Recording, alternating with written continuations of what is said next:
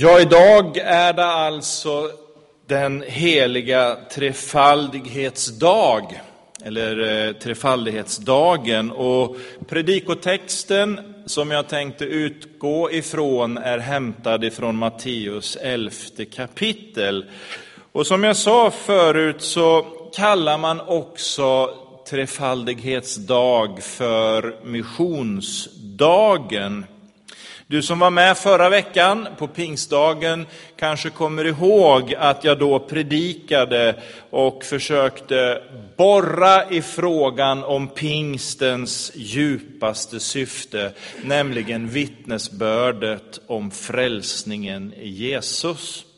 Så det är väl naturligt att kyrkoåret nu fortsätter att följa upp pingstens budskap med talet om att församlingen sänds med detta budskap till alla nationer.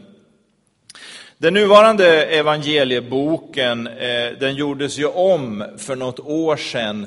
De föreslår bara vers 25 till 27 men jag är lite gammal och mossig och konservativ, så jag följer den gamla evangelieboken och den sträcker sig ända till vers 30. Så vi läser Matteus kapitel 11, vers 25 till 30. Vid den tiden sa Jesus jag prisar dig, Fader, du himmelens och jordens Herre, för att du har dolt detta för de visa och kloka och uppenbarat det för de små. Ja, Fader, detta var din goda vilja. Allt har min fader överlämnat åt mig, och ingen känner sonen utom fadern inte heller känner Fadern någon eh, utom Sonen och den som Sonen uppenbarar honom för. Kom till mig, alla ni som arbetar och bär på tunga bördor, så ska jag ge er vila. Ta på er mitt ok och lär av mig, ty jag är mild och ödmjuk i hjärtat. Då skall ni finna ro för era själar. Ty mitt ok är milt och min börda är lätt. Låt oss be. Herre, vi tackar dig för ditt ord som är levande och verksamt.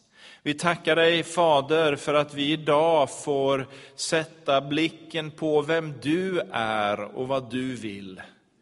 Vi ber att ditt ljus ska få lysa över ditt ord och låt våra hjärtan få ta emot av ditt goda. I Jesu Kristi namn. Amen.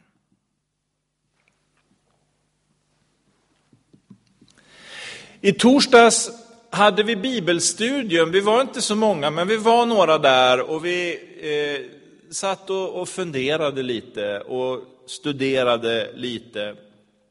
Det var det sista bibelstudiet som jag hade i en liten serie bibelstudier. Ja, det var bara tre stycken, men ändå.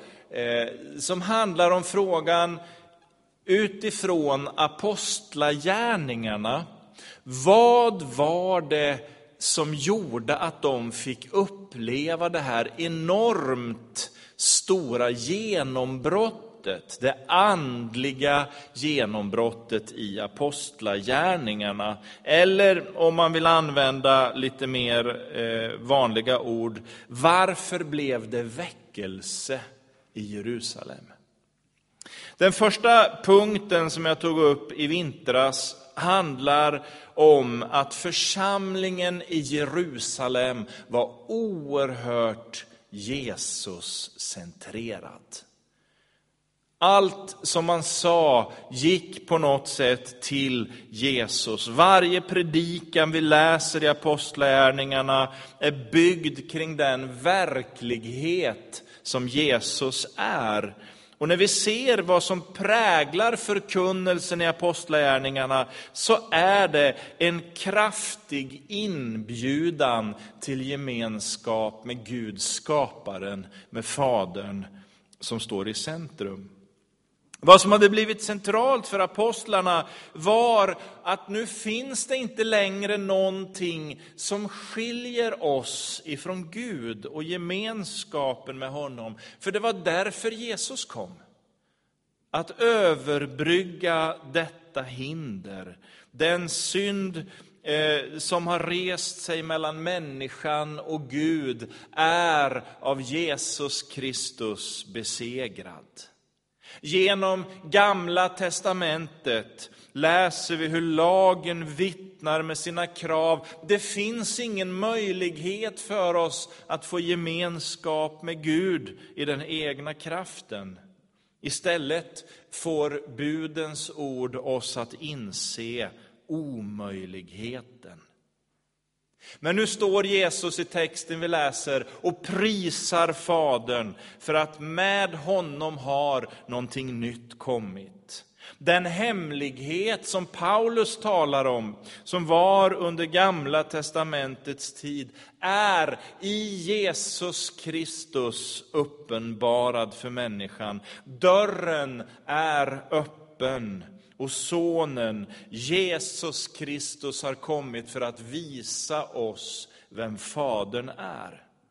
Därför läser vi också i Hebreerbrevet 1 och 3 att Sonen utstrålar Guds härlighet och uppenbarar hans väsen.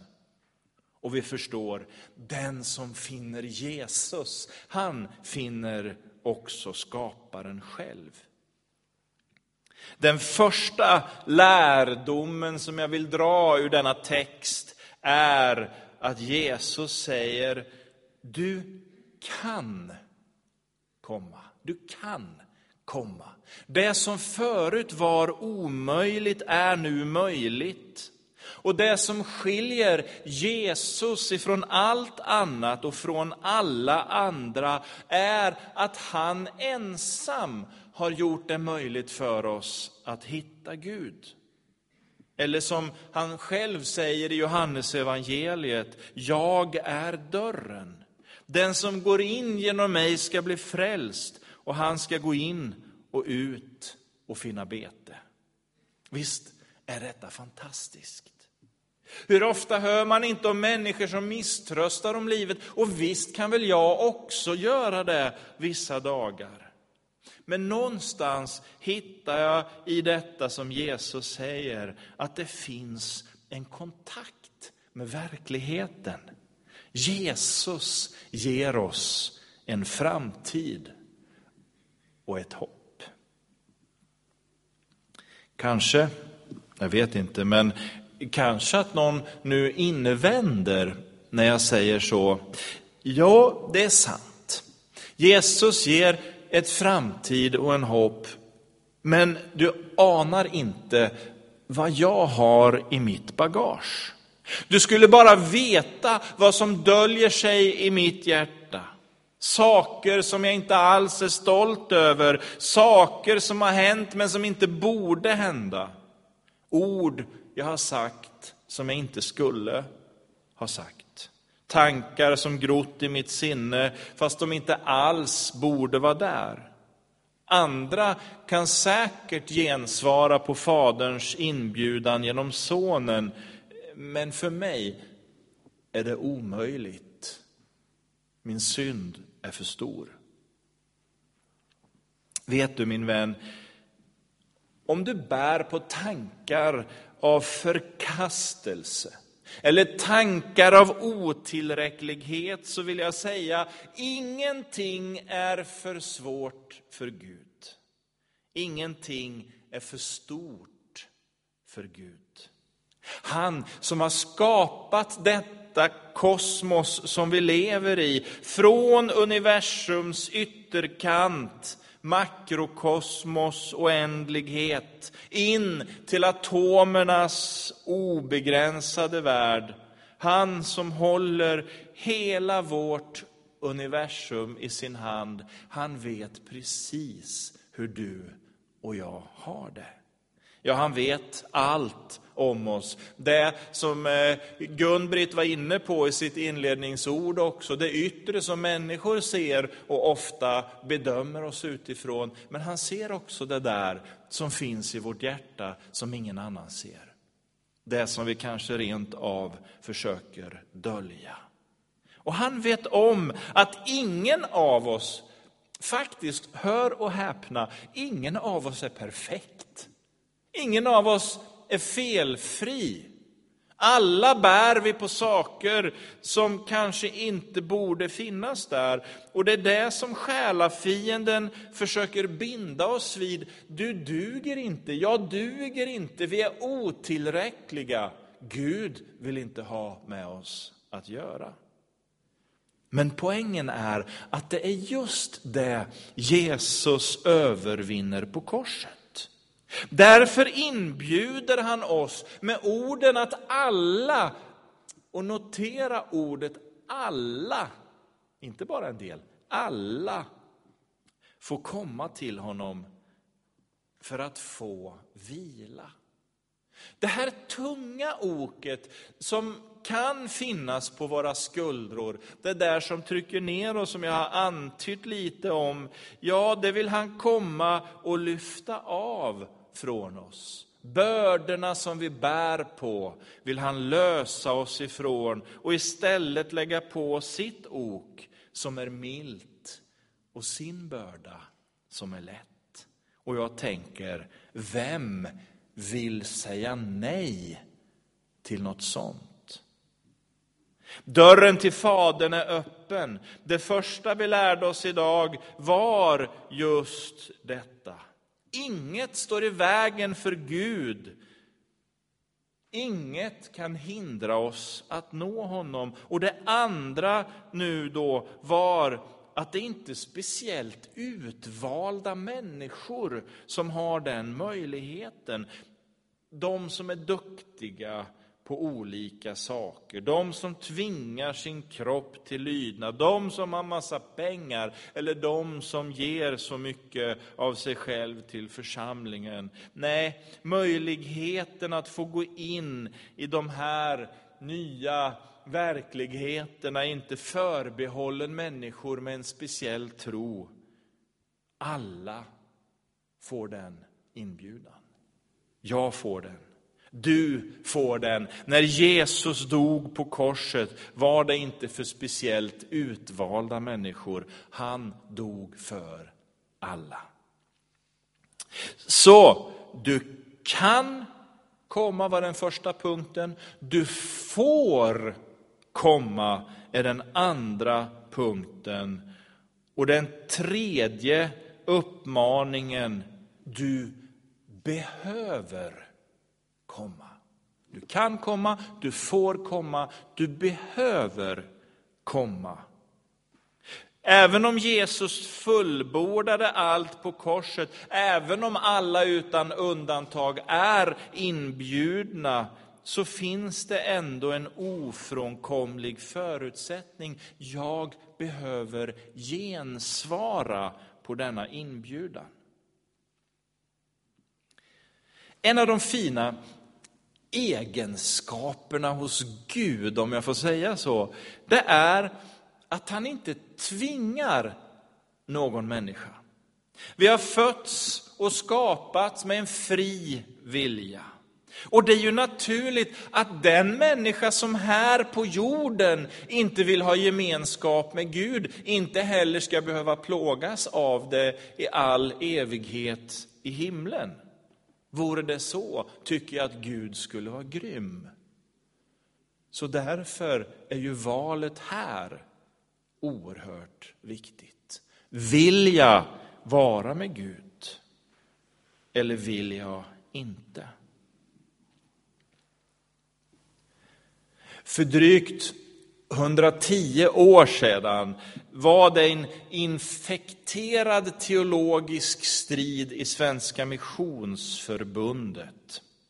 Den föreståndare som varit sedan begynnelsen 1878, Erik Jakob Ekman, hade skrivit en bok 1903, tror jag, som hette Evangeli fullhet och de ändlösa straffen. Är du nyfiken? så kom till mig, för jag har den hemma i bokhyllan. Den är intressant på många sätt. Ekman, han skriver i den boken ungefär så här att eh, han kan inte förstå att en kärleksfull Gud eh, ska låta någon människa gå förlorad för evigheten. Han gjorde djupa studier i skriften, han gjorde omfattande utläggningar av bibelordet. Han är noga med att argumentera utifrån Bibeln i den här frågan. Och lösningen som han kom fram till var någon slags skärseldslära.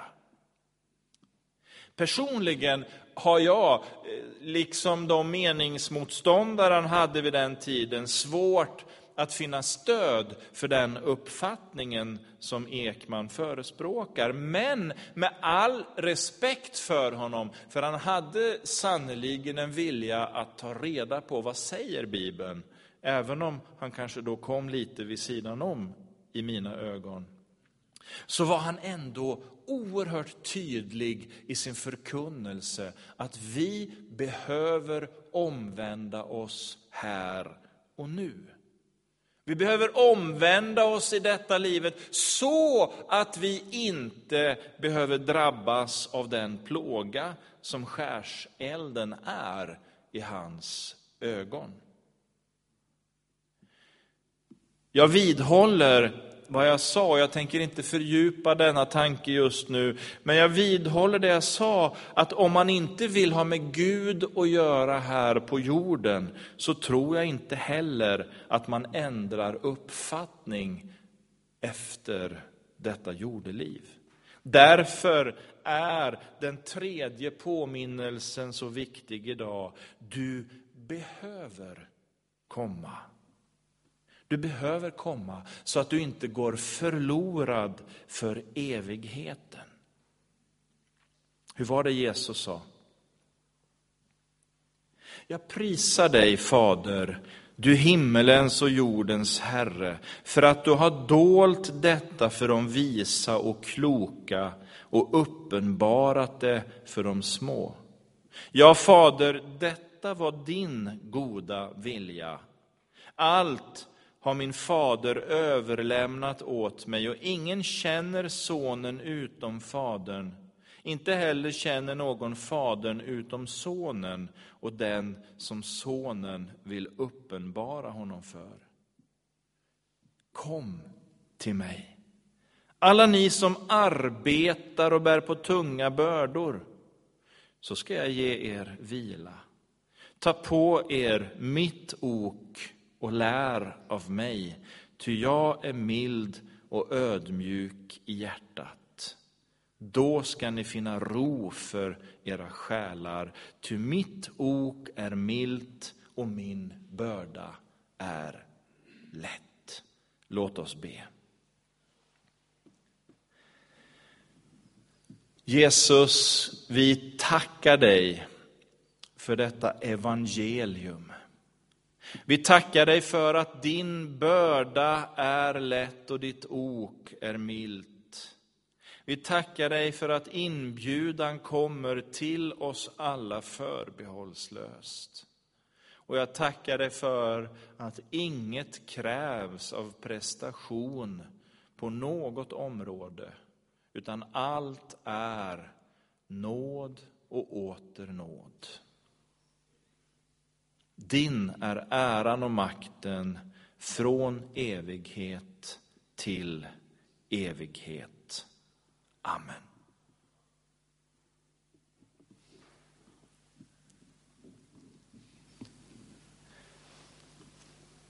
Vi ska sjunga tillsammans nummer 339. 339 och det är ytterligare en lovsång.